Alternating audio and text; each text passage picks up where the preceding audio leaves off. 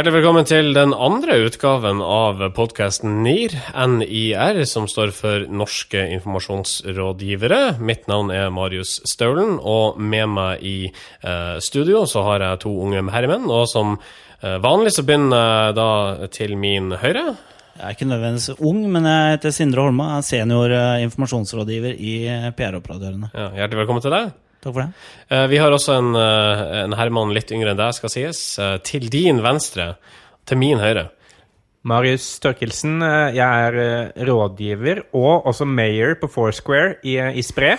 Og jobber med rådgivning på forretning og strategi. Kanskje det skal vi komme tilbake til litt senere. Sindre, hvilken type rådgivning, rådgivning gjør du? Ja, altså Jeg driver jo med personlig rådgivning mer, ikke så mye business, og er seniorrådgiver. Betyr det at du har mye mer kompetanse når du er senior? Uh, nei, dessverre. Jeg skulle ønske det, men det betyr bare at jeg er litt eldre. Hvor, hvor gammel er du? Jeg er eh, ja, en halv vesenlønn, var det det? Ja. Og eh, når fikk du seniortittelen? Gullklokka, mener du? Eh, ja. Altså, fikk jeg det var, det var egentlig i form av en fyrstekake. Den fikk jeg et par år siden. Men jeg setter pris på at eh, du er her og kan lose oss gjennom eh, dette minefeltet som er kommunikasjon og forretningsrådgivning. Ja, det skal, si, skal sies at jeg trenger en del medisinering for å komme meg hit. Eh, altså, en del smertestillende. Og, ja. Vil du, hvis, du vil ha druer, vifter etc., så, så vet du jo at vi er behjelpelige med det. For vi er atskillig yngre og dermed langt mer kapabel til f.eks. å springe fort bortover gangen, eh, springe ned trappene, eh, de åtte etasjene vi må ned, og så bort på butikken. Ja. Og kjøpe annet druer. Ok. Druer, fyrstekake, mariekjeks. Ja. Mok Mokkabønner? Eh, sånn uh, samarin. Samadin? Altså Hvis man er gammel, så kommer jo Altså Med, med alderdom kommer også sure oppstøt. Er ikke? Er ikke det altså egentlig altså payoffen til Samarin? Med alderdom kommer sure oppstøt. Ja, nei, jeg prøver å verbalisere de sure oppstøta i mer litt sånn bitre utsagn, da. Mm. Sure oppstøt, bitre utsagn. Sindre Holme. Kan, kan jeg bare ta en ting? Uh, Ja, som- for all del. For Sindre, du har denne uken valgt å bytte profilbilde på Twitter til et lykketroll. Kan du redegjøre for eh, det valget? Da ble jeg tatt litt på senga her. Altså, det, det er et lykketroll i solnedgang som jeg tok på bussen, faktisk. Eh, Etter et tannlegebesøk, hvor jeg måtte selvfølgelig bytte ut eh, de ekte sakene mot noen litt mer plastikkorienterte. Så det er egentlig litt sånn Det er jo det er et symbol da, på at eh, jeg har vært hos tannlegen og gjort en ganske radikal endring. Så du har rett og slett plasttenner nå? Ja, altså, du, du hører sikkert uh, akustikken. At Ja. det er liksom plast. plast Mm. Det er mange fordeler med det. Du, du vil jo forhåpentlig ikke få hull igjen uh, med plasttenner. Karies er ikke så gira på plast. Er han det? Nei, altså, det er ikke noe næring i plast, for det første. Eh, og kalsium, blant annet, som jo er viktig når man skal vokse, Ja. er det jo også fritt for i plast. Mm, så det blir en utrolig kortvokst karies hvis eh, han skulle finne på å angripe tennene til Sindre. Ja, og så kan du legge det i klor hvis du vil. Det bare ser stunning ut etterpå. Awesome. Uh, vi har uh, som vanlig en del spalter vi skal innom. Vi skal til en helt ny spalte som handler om det å legge seg flat. Ja, altså, vi skal videre gå innom et begrep vi ikke forstår, eller som eh, mange andre ikke forstår, i hvert fall. Begrepsforvirring. Vi har fått på plass en del eh, ting siden sist, bl.a. blant annet en e-postadresse. Du kan kontakte oss på nearcast at yahoo.com. Eh, vi tar imot eh, mye rart der. Eh, tilbakemeldinger, innspill, forslag til spalter, forslag til temaer. Bilder, helfigur, halvfigur. Ja, Gjesteopptredener, eh, WAV-filer ja. Og eh, Flashmobber. flashmobber. ja det gjør vi òg. Men altså ting dere har på hjertet som dere mener vi også burde ha på vårt hjerte. Da, mm. si det sånn. Da kjører vi i gang. Eh, her kommer en jingle. Norske informasjonsrådgivere. Vi starter med en kikk på dagens eh, nyheter, og eh, vi skal da til vår egen bransje. Det skal vi. Eh, Det er jo eh, Det handler da om eh, det offentlige som bruker PR-rådgivere. De henter inn ekstern hjelp. Og Aftenposten skriver at de har funnet ut at departementene og direktoratene bruker 75 millioner kroner på byråer Eh, og det er jo ikke alle Alle liker jo ikke det. Sigurd Allern sier at uh, Hvem er Sigurd Allern? Nei, Det er en eh, medieforsker som, uh, som er veldig opptatt av PR-rådgivere, og eh, vel ganske negative til det. Eh, han sier at eh, de 75 millionene de brukes eh, på overtalelse. igjen da, så er det en sånn der demonisering av PR-bransjen. Eh, og mitt argument overfor det eh, er at bruk av PR- og informasjonsrådgivere er demokratifremmende. Og det er fordi det, det er jo ikke først og fremst overtalelse, det er jo først og fremst informasjon eh, som brukerne har behov for, og som de får gjennom eh, bruk av eh, PR-rådgivere. En ting som er viktig å tenke på, da, det er at departementene Vi kritiserer jo byråkratiet ikke sant, for å være tungvint osv. Men det skjer jo veldig mye spennende i staten også. Altså, du har et eh, eget eh, direktorat som jobber på, for å kommunisere bedre med ulike typer målgrupper. Folk med funksjonshemminger og innvandrere osv. Mye mer komplekse målgrupper som staten har nå. da. Så man kan si, kalle de målgrupper. Det er vel egentlig ja, det- Stakeholdere? Stakeholder, Ja. Uh, så, så jeg tror at veldig mye av, mye av de pengene her brukes for å gjøre informasjon mer tilgjengelig for et større spekter av brukere. Til syvende og sist så handler dette om at folk ikke vet hva PR-rådgivere gjør. Nei, og det er jo et problem som bransjen i årevis har forsøkt å ta inn over seg, men tydeligvis ikke klart å gjort noe med. Ja, definitivt. Eh, det har vi liksom aldri klart å samle oss om, og det tror jeg har veldig mye med intern posisjonering å gjøre. Vi har drevet ganske mye sånn brønnpissing eh, her og der. Noen er jo flinke, noen byråer er flinke på omdømme, andre er flinke på politisk kommunikasjon, og så er man aldri flinke til å berømme hverandre for kompetansen man besitter, og det folk sitter igjen med da, inntrykk, det er at egentlig ingen kan noe. 75 millioner kroner for øvrig. Eh, Dette er fordelt på eh, 75 statlige virksomheter, altså departementer, direktorater, tilsyn og andre etater. Er det mye penger? Nei, altså Du får jo ikke kjøpt et privatfly for eh, 75 millioner kroner. Du får ikke kjøpt Tusenfryd, tror jeg, for 75 millioner. kroner. Nei, du får kjøpt et par attraksjoner, det gjør du. Ja. Med vedlikehold. Hvis du, hvis du skulle kjøpt et par av attraksjonene til Tusenfryd Nei, Jeg ville nok kjøpt den derre Den minste marihøna der, tror jeg. Altså, da er du ganske sikker på at uh, alle blir fornøyd. Marius uh, Torkelsen? Med 75 millioner kroner, uh, fordelt på 75 eh, departement og offentlige instanser, si en million kroner per stykk, Så tar du pluss bort minus, moms. og så går nesten 25% av det til Helsedirektoratet og røykekampanjer, Mm. og jeg så 13 mill nei, 7 millioner til kirkevalget, for å fremme interesse om det. Da er det ikke så veldig mye igjen til informasjon igjen på resten. Uh, så det er nesten altfor lite. Det er nok til at de ansatte kan gi en tier hver til romfolket på vei til og fra jobb, liksom. Uh, vi har flere ting. Uh, skal vi prøve å avrunde den, de- den delen der? Eh, altså dette med det offentliges bruk av PR-rådgivere. Ja. Tommel opp eller tommel ned for det? Tommel opp for det. Ja. Tommel opp for eh, at de bruker penger på det, tommel ned for at de kun blir mistenkt for det. Norske informasjonsrådgivere. Vi skal over til Ikea, som eh, fortsatt er i hardt vær. Ja, det kan man si. Uh, Ikea har jo, gir jo hver høst ut sin uh, katalog. Uh, og den er jo kjempepopulær i mange land i verden. Eh, og de er jo også inne da i Saudi-Arabia. Uh, men så viser det seg at eh, noen av de bildene de har brukt, bl.a. fra badet, baderomsløsning, så er kvinnene retusjert bort. I hvert fall så er det ikke kvinner på bildene. Det, det var altså en toppsak i vg.no, og Ikea var vel ganske kjapt ute også med å uh, beklage dette her. Det bygger jo på diskusjonen hvorvidt man skal altså, tilpasse kommunikasjon ut fra hvilket marked man er i. Eh, Og den gjengse oppfatning på det, spesielt når man håndterer den type varer som Ikea selger, eh, er jo at man skal det. Fordi det er forskjellige kulturelle normer og oppfattelser, og at kommunikasjonen må tilpasses. Eh, Og hvis dette hadde vært måtte handle om hva som helst annet enn en kvinne, da, så hadde det sannsynligvis ikke blitt en sak. For saken er om, Ikea er altså, kjønnsdiskriminerende. Det er det som er spørsmålet. Det som er interessant uh, her, er jo hvis du ser bildet uten måte, den her pressekonteksten, eller hvordan det har blitt presentert, så ser du uh, i Sverige så er det bilde av en mann som eh, hjelper et barn, og det er en kvinne som hjelper et annet barn på badet med kveldsstellet, ser det ut som. Men i Saudi-Arabia så er kvinnen borte, og det du ser, er at det er en mann som hjelper barna sine på badet. Og jeg mener at Altså, det er jo bildet på likestilling i Norge. En mann som, som ordner barna, liksom.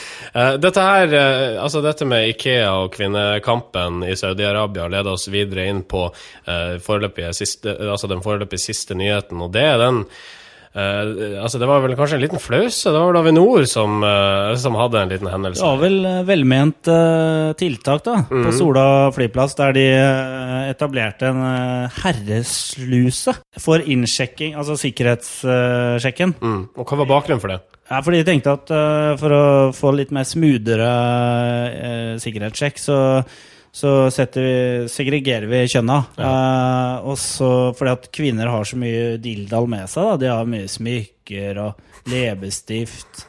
eh, ørepynt. eh, sølvtenner. Og igjen så er det jo en sak hvor man eh, tar en relativt uskyldig gest, kan man jo si, og putter det inn måtte, i en betent, eh, på, alltid pågående diskusjon om likestilling eh, og om forskjellsbehandling, kanskje mer enn noe annet. Det var jo veldig velment, da. Uh, er i hvert fall mitt inntrykk. Det var jo egentlig en prakt, praktisk, uh, grunner, praktiske grunner til at de gjorde det. Men altså, det, denne, denne saken ble i hvert fall løst, uh, og ehm, etter Dagbladet-oppslaget så sier nå de ansvarlige på lufthavnen at eh, de har tatt affære og vil ikke lenger splitte opp etter kjønn.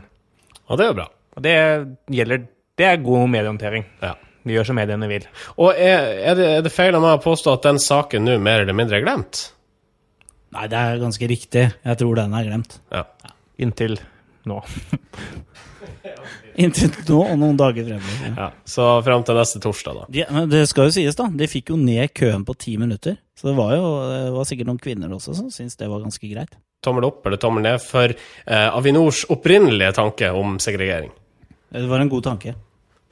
Ja, det er det. Selv om jeg er mot segregering sånn prinsipielt, så er jeg for kortere kø. ok, uh, Sindre, ordet ditt.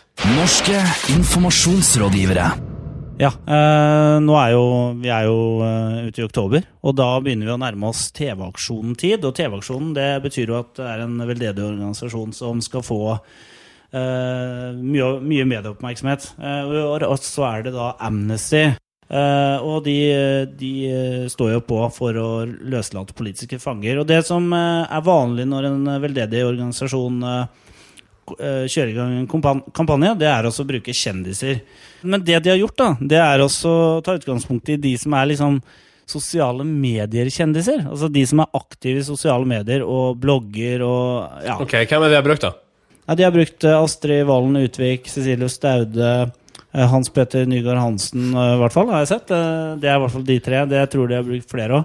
Og det som er eh, interessant, det er at eh, det blir jo interessant å se egentlig hva slags effekt eh, det får. Fordi det jeg har sett hittil, er at de har ikke sagt så mye om det selv. Jeg har ikke sett de har blogget om det, eller noe sånt, men de, de står der med en plakat, plakat hvor de ber folk bli med som bøssebærere. Og det som, er, det som er litt interessant, da, det er jo Altså Det med å bruke kjendiser, det har jo veldedige organisasjoner gjort siden Bob Geldof Men ikke alle har vært like heldige. Nei, ikke alle har vært uh, like heldige. Uh, og eksempel den rød nese-aksjonen til Redd Barna. Som ingen husker i dag. Ja, for, for sak, altså, eh, Rød nese-aksjonen fikk massiv medieoppmerksomhet. Jeg ser bare en, V- en Dagbladet-sak her hvor, uh, hvor ingressen lyder Her rappellerer Samsaya og Asgeir seg ned danskebåten for Redd Barna. Og da begynner jeg å lure sånn Hvor i alle dager kommer Redd Barna inn her? Skal det hjelpe Redd Barna, liksom? Skal At de rappellerer den danskebåten? Ja. altså, Jeg føler meg sexy og rar, sier Samsaya. Så, men hittil så syns jeg det virker som Amnesty har gjort uh, nei, jeg- masse riktig. Men det, det Jeg regner liksom med om uh, at, at Amnesty her har en plan for videre utrulling, og jeg håper jo at disse Eller det må de jo velge selv, selvfølgelig, men at disse sosiale mediepersonlighetene også går med bøsse når den tid kommer. det, det de ofte gjør, er jo å ta med kjendiser til det stedet der problemet eksisterer. Altså for å vise kjendisene. Og når man da ser hvordan kjendisen reagerer på problemet, så føler man uh, yes, dette- Hvordan reagerer kjendiser på problemet? Nei, de gråter ofte. Eh, feller en tåre. Eh, Klemmer et barn. Klemmer et barn. eh, stryker håret bakover i eh, fortvilelse. Sier at det er Eh, utrolig sterkt. Bøyer seg ned. Uh, Maskaraen kan begynne å renne, f.eks. Ja, det er mye som kan skje. Altså. Rappellerer ned danskebåten. Så for å oppsummere, da, så er vi egentlig imot at folk som er kjente, eng engasjerer seg i sosiale Eh, saker. eh, er vi imot? Nei, det, det, det, er vi faktisk litt uenige her i NIR-rådet. Mm. Eh, jeg er faktisk for at de engasjerer seg, eh, men jeg tror også du trenger eh, mye fagfolk inn her også. Ja, skal vi sette en sånn obs foran deg, Altså obs, obs. Eh, kjendiser garanterer ikke eksponering og i siste, ut, i siste instans penger. Det gar- garanterer eksponering, men ikke kanskje så mye oppmerksomhet rundt saken. Da. Norske informasjonsrådgivere. Vi skal introdusere en, eh, en ny spalte, en spalte vi håper kommer til å bli en eh, dundrende suksess. Og ved siste redaksjonsmøte så var det du, Marius, som kom med den ideen. Ja, jeg har eh, en idé til en ny spalte, som skal være en månedlig spalte, og som skal hete Flatindeksen. Men den begynner ut i at en av de mest brukte grepene i informasjonsboka er jo at hvis, hvis du har gjort noe galt, så legger du deg flat. Eh, og Det er jo også et tegn på overgivelse, eh, sett som mye brukt i hundenes verden. Jeg går gjennom uh, alle mediesaker fra Norge uh, på papir fra den siste måneden. Og eh, teller opp hvor mange som har lagt seg flat i løpet av den siste måneden. Okay. Og for september, som jo nå akkurat er ferdig, var det 13 instanser, personer eller eh, idrettsutøvere som lar seg flate. Så jeg skal ta topp tre og kåre månedens flateste, hvis det er greit for dere. Det er helt uh, ok, tror jeg. Sindre, er det ok for deg? Ja, det er interessant. Og så la de seg uh, ja. Uh, Jeg, jeg har lyst til å begynne med uh, første sak jeg hentet fra Tromsø. Eh, hvor dette er altså Driv eh, kafé i Tromsø sentrum. Og her har i Tromsø som avis vært å skulle gjøre en anmeldelse av Driv. Og det viste seg at da når de eh, skulle sjekke inn jakka si i garderoben, så fikk de en kvittering på at de har gitt fra seg jakka, men de fikk ikke en kvittering på at de har betalt. Okay. Eh, når de da spurte denne garderobevakten om hvorfor de ikke fikk det, så sa, de at, eh, sa hun vakten at jo, men du har fått en kvittering på jakka, den telles også som at du har betalt. Eh, dette har da Trom i Tromsø lagd en sak ut av, og de har kommet tilbake igjen til daglig leder og spurt om dette er uh, normal måte å behandle kunder på. Eh, eh, Jeg, jeg, jeg ser ikke konflikten ennå. Ikke Nei, de, de ville ha bevis på at de hadde betalt, ikke bare at de hadde uh, gitt fra seg jakka. Hvorfor det? For å få tilbake pengene, kanskje, fra, fra redaksjonen. Jeg kan ikke erindre noen gang å ha fått noen kvittering utover jakkelappen. Jeg trodde Nei, men altså, her, du, du må tenke, tenke på at her er det en anmelder som har vært og som har hatt et utlegg på 20 Ja. kroner. Og det vil vi ha tilbake, og da krever regnskapet en kvittering, et bilag, så å si. du, du ser at det er en sånn, et potensielt problem som ligger i det å gi ut to kvitteringer? Ja, så det er derfor de bare får en tredjeplass. Eh, på andreplass så kommer eh, melke- og meierigiganten Tine, som eh, kom ut med en ny melketype, kulturmelk. Eller det var vel egentlig en ny, men det var en rebranding av den. Hvor de da skulle ha norsk natur i sentrum. Så de hadde pryda kartongen med norske fjell, trodde de. Det viste seg at dette var egentlig var svenske fjell, og mer eh, korrekt det svenske fjellet Tolpgorni, som er eh, annet eh, et nabofjell til litt mer kjente Kebnekaise. Eh, når de ble gjort oppmerksom på dette, så la de seg helt flate, og skal nå komme ut med nye pakninger. Riktig. Det er, det er jo ironisk at en sak som handler om fjell, ender med at noen legger seg flate. Jeg må, jeg må jo påpeke det. Ja, det er veldig godt poeng. veldig godt poeng. OK, vi har en vinner her da. Den Ja. Vinneren, eh, månens flateste, eh, den går til eh, det offentlige. Eh, og den går til rådmannen i Tvedestrand.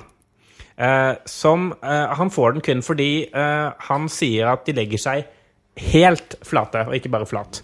Og Bakgrunnen for det er eh, at utvidelsen av Lyngbakken barnehage har blitt forsinket og 30 dyrere enn først antatt.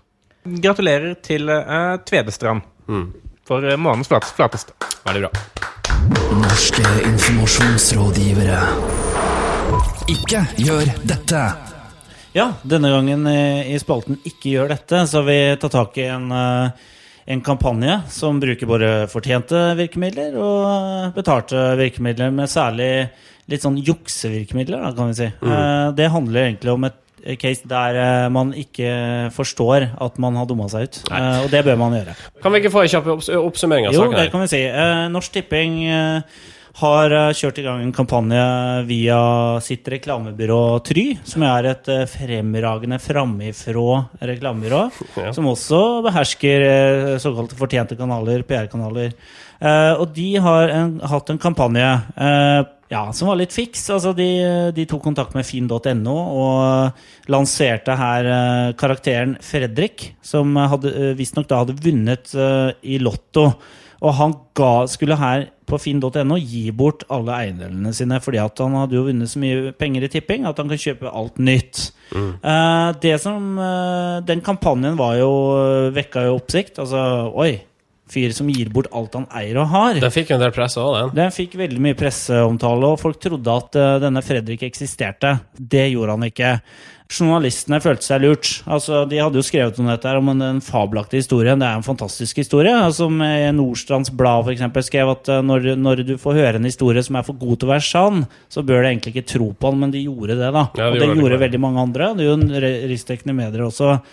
Og de følte seg lurt, og TV 2 hjelper deg ikke ut sa til Norsk Tipping at uh, dette undergraver tilliten mellom rå- eh, PR-folk og, og presse. Ja, for det hører jo med til historien her også at uh, både finn.no og Norsk Tipping på et eller annet tidspunkt her ble konfrontert.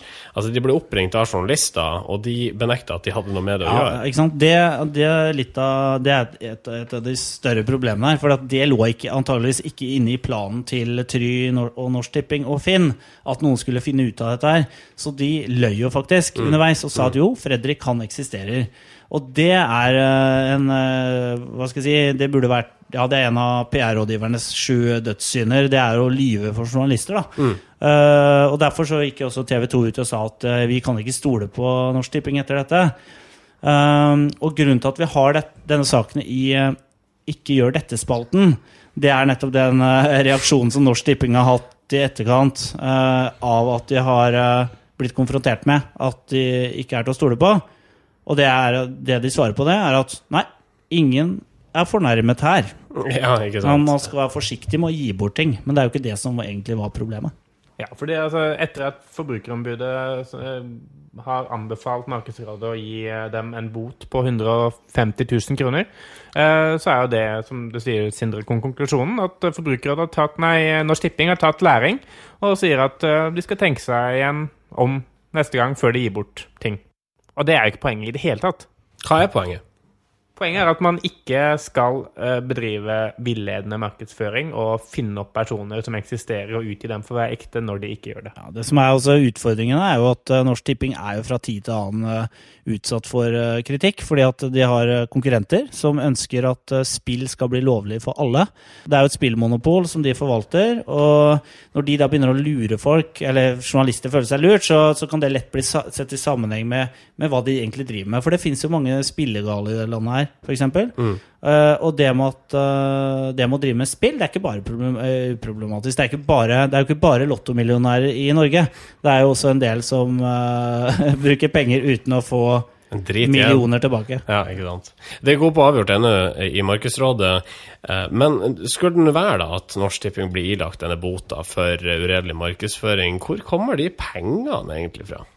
Det kommer jo fra inntektene til Norsk Tipping. Da. Og hvor kommer inntektene fra fra? de som spiller. det blir 150 000 mindre til kultur og sport, da. Ikke sant?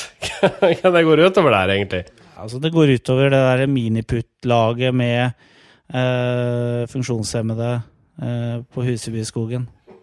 Så jeg vil oppfordre dem til å møte opp øh, hos Try Reklame, gråtende. Marketing 3.0. Social business. Cloud computing. Social shopping. Begrepsforvirring. Det var lyden av eh, en jingle uh, utforma av eh, min gode venn og tidligere kollega Tommy Novik. Det er vel rettferdig at vi på en måte name-dropper han, da. Ja, Tommy har hjulpet oss mye. Han har det. Han jobba i en radiostasjon i Bodø, og han har stålpeiling på dette med jingler. Absolutt. Dette er posten begrepsforvirring. Sindre, du eh, får overta, du. Ja, jeg er veldig opptatt av dette med begrepsforvirring. Eh, og denne gangen her så eh, er jeg inne på et begrep som er veldig sånn bransjeorientert, og som brukes i hytt og vær i vår bransje, og det er begrepet strategi. Eh, For hva er egentlig strategi, og hva er taktikk? Var det retorikk, eller vil du at noen skal svare på det? Jeg vil gå litt videre, for okay. jeg har lyst til å problematisere litt. For strategi er jo opprinnelig noe som kommer fra krigføring. Eh, og det har jo en som heter Carl von Clausewitz, som sier at strategi er kunsten å utnytte et slag til å vinne en krig, og taktikk er kunsten å utnytte troppene til å vinne et slag. Og da lurer jeg på hva er sosiale medier som strategisk verktøy da? Jeg vil jo uh, si at sosiale medier på ingen måte er et strategisk uh, verktøy. Altså det er, det er et verktøy, det er en kanal, først og fremst. Det strategiske i det ligger jo i at man eh, faktisk som virksomhet kan innse at man har behov for å komme eh, i altså komme ut med mer informasjon, eller komme i tettere dialog med en eventuell målgruppe, eh, basert på en problemstilling man har. Eh, det kan kanskje være strategisk. Eh, Men i alle de fleste tilfeller så er det så er det egentlig også taktikk, for det er et middel for å oppnå noe mer, og det er også poenget til uh, Clausewitz. Til syvende og sist så ønsker man å vinne krigen, eh, og man vinner ikke krigen kun med likes. Kan man si at det eneste som kan snakke om uh, sosiale medier som strategisk virkemiddel, er type Twitter og Facebook? de som faktisk driver med sosiale medier. Ja. Ja. Altså for, det, det, for dem er det jo en forretningsstrategi å utvikle verktøy som gjør uh, det å bedrive sosiale medier mulig. Uh, de kunne jo ut, utvikla biler. Så, Det hadde vært et strategisk valg som hadde gått uh, så vi kan også sette en strek over måte begrepet strategisk eh, Sosiale medier som strategisk verktøy. Et godt eksempel da, for, å, for å skille disse to begrepene med et uh, norsk case, er jo å ta flyselskapet Norwegian. Uh, og her har jo eh, strategien deres vært hele den utfordrerposisjonen. Og det har vist seg at det har gjennomstyrt hele eh, organisasjonen, fra altså prisstrukturen deres og hvordan de måtte ha lagt seg opprett opp mot SAS, direkte konkurrert på ruter, til hvordan de har valgt å kommunisere og måtte uttrykke ordene som er brukt brukt, og litt sånn utradisjonelle kanaler også. Men de er altså ganske gode og og store på sosiale medier, og bruker det bl.a. mye til kundeservice. Man så det under eh, Island eh, at de brukte det ganske godt til kundeservice. Men her er sosiale medier en taktikk eh, og en måte å måtte leve ut utfordrerrollen på. da. Altså, jeg vil jo gjerne legge til litt av eh, at vi, at vi syns jo det er viktig å, å på en måte ta opp eh, disse temaene her. fordi at altså, skal vi som rådgivere være, bli sett på som seriøse, så, så må vi jo på en måte vite hva vi snakker om. da. Mm. Og det er jo litt derfor vi gjør det. Vi kan ikke slenge ut masse begreper som folk strengt tatt etter hvert ikke får noe forhold til, fordi at de brukes om hverandre. Ja, det er nettopp det. Mm. Sånn som i forhold til, for eksempel. ja, blant annet det. Jeg sa ikke det, gjorde det? Jo. Sa jeg i forhold til? I forhold til hverandre, syns jeg du sa. Nei, jeg vet ikke om Nei, du sa det. Nei, nei, jeg tror ikke jeg sa det. det ne vet du hva, det nekter jeg, tror jeg at jeg sa. det kommer etter til å ettergå på tapen etterpå, og i så fall så går det i Vi får klippet. samfare det. Ja. Ja, men ok, da tror jeg vi avslutta spalten begrepsforvirring. Er det greit? Den er grei. Ja. Tommel opp for uh, at folk ønsker å være strategiske. Uh, tommel ned for at de ikke alltid er det. Godt poeng. Norske informasjonsrådgivere. Ukas kudos. I ukas kudos i dag uh, så var det nok en gang deg, Sindris, du nominerte. Jeg er glad i å skryte, så jeg har nominert eh, BA-journalist, altså Bergensavisen-journalist eh, Geir Kvile, til eh, ukens eh, kudos. Og det er av at han har skrevet en veldig treffende sak som heter 'Politikerne ser på ting'.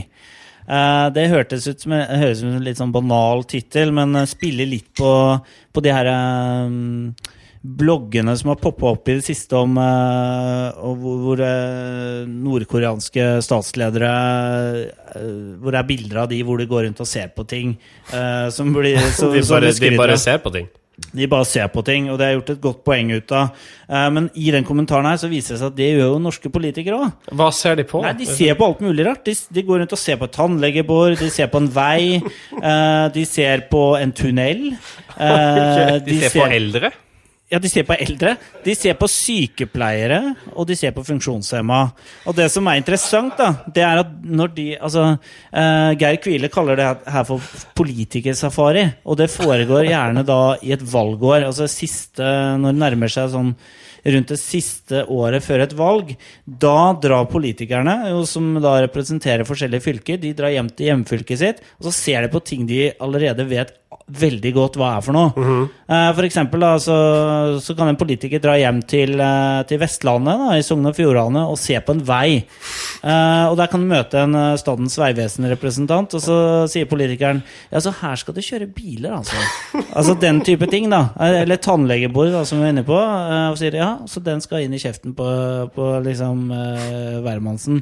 Altså, de stiller de opp mest opplagte spørsmål, og det her er veldig velregisserte turneer, da, saf eller safarier. Ja, hvor det- det er for pressen, ikke sant? det er derfor, altså, Ja. Grunnen til at de gjør det, er at journalistene er med på det. Mm. Uh, de flokker seg rundt de her eh, absurde eh, Det er absurd teater, på en måte, som de flokker seg rundt. da.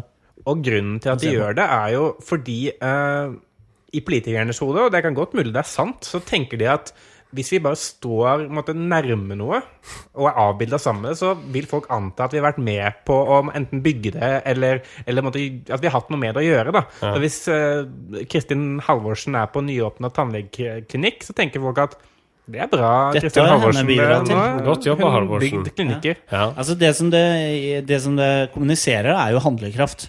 Altså, og også et, et godt poeng som Kvile sier her, de har alltid veldig travelt. Altså De er så vidt de rekker innom og slå av noen ord før de fyker videre i en taxi. For disse politikerne, det de skal demonstrere i denne turneen her, det er at de er ekstremt handlekraftige. De har gjort, utført veldig mye, eller fått gjennomført veldig mye. Eh, så, eh, og de, måte, de skal, det skal de demonstrere hjemme og besøke de her forskjellige spottene. De er syke, de eldre som de kikker på. Eh, det her er Vitenssenteret som har masse artige duppeditter. eh, og stille opplagte spørsmål. Det handler om å For det pressen altså, litt, En annen grunn til at pressen liker dette her, da, det er jo at alternativet er jo å innkalle til en pressekonferanse og fortelle at ja, i dag har vi bevilget tre tre milliarder til en uh, veistump mellom uh, Landås og eh, Minde. Minde. Eh, og det hater jo journalister, fordi at da får eh, en ting er da, da får alle journalistene akkurat den samme informasjonen, og så får de ræva bilder. eh, for det får en politiker som sitter på en pult. Eh, men her så kan de få en politiker som Sitter i en tannlegestol. for eksempel, ikke sant? Eller kikker på en tunnel med en hjelm på hodet. Og, det, og det, det som er fint med disse bildene, de kan jo brukes eh, senere. Altså for eksempel eh, eh, hvis eh, Det er bilde her da, av Jens Stoltenberg med en hjelm eh, i eh, Laksevåg på et verft. Eh, da kan eksempel eh, VG bruke dette bildet i en artig fotomontasje hvor de sånn Se opp, Stoltenberg. Eh, Siv Jensen kommer, og så må han ha hjelm, for hun, Siv Jensen måtte være i ferd med å falle ned i hodet på han. Eller noe sånt. Ja, eller kan, eller Beskytter seg mot angrep fra oven. Uh, det, det, som er, det som jo er interessant her det er at det kan brukes mot dem også. Ja, ikke sant, Som du var inne på. Altså, det kan være sånn Her ser Jens Stoltenberg ned i avgrunnen. ikke sant? Altså, det kan være den type overskrifter òg. Det var en Det- veldig interessant sak fra uh, Dette var Voss. Hvor det var noen som hadde åpna et sånt fritt fall-kammer. Eh, hvor man eh, kunne måtte simulere at man hoppa i fallskjerm. eh, hvor man da går inn i dette, dette kammeret, så blir man blåst opp. altså og så henger man i løslufta. Og der var Jens Stoltenberg for å se på at dette skulle bli åpnet.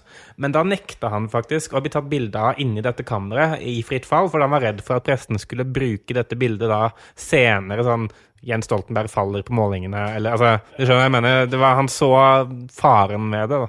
Men kudosen, for å oppsummere det, går vel til Kvile, gjør den ikke det? For å Jo? Jo, eh, kudosen her går egentlig på at han påpeker en eh, litt sånn absurd situasjon som journalistene allikevel flokker seg til. da. Mm, mm. Eh, du kan følge Kvile på Twitter, antar jeg? Det kan du gjøre. Han har brukernavnet alfakrøll Kvile. Mm. Veldig greit. Uten H. Norske informasjonsrådgivere. Norske informasjonsrådgivere nærmer seg slutten med stormskritt. Uh, vi får vel ta noen sånne kunngjøringer først, som de gjør i kirka. Uh, vi har en e-postadresse. Vi har en e-postadresse, og det er uh, nearcast at yahoo.com. Send inn uh, masse rart. i. Ros, ris, bursdagshilsener, bilder og andre eh, forslag. Jeg vil også legge til at vi vurderer, siden vi har fått så mange forespørsler om, uh, folk, uh, fra folk som har lyst til å være gjester, så vurderer vi en spesialutgave som er litt sånn eh, Som egentlig tar opp tråden etter Vidar Lønn Arnesen og Da Capo, hvor vi inviterer masse gjester til allsang. Kan vi ikke være dudes og være venner? Med det så tror jeg vi sier tusen takk for oss. Mitt navn er Marius. Mitt, mitt navn er Sindre Holme. og mitt navn er også Marius. Da sier vi tusen takk for oss. Uh, Tusen takk. Og ha det bra. Ha det. Norske informasjonsrådgivere.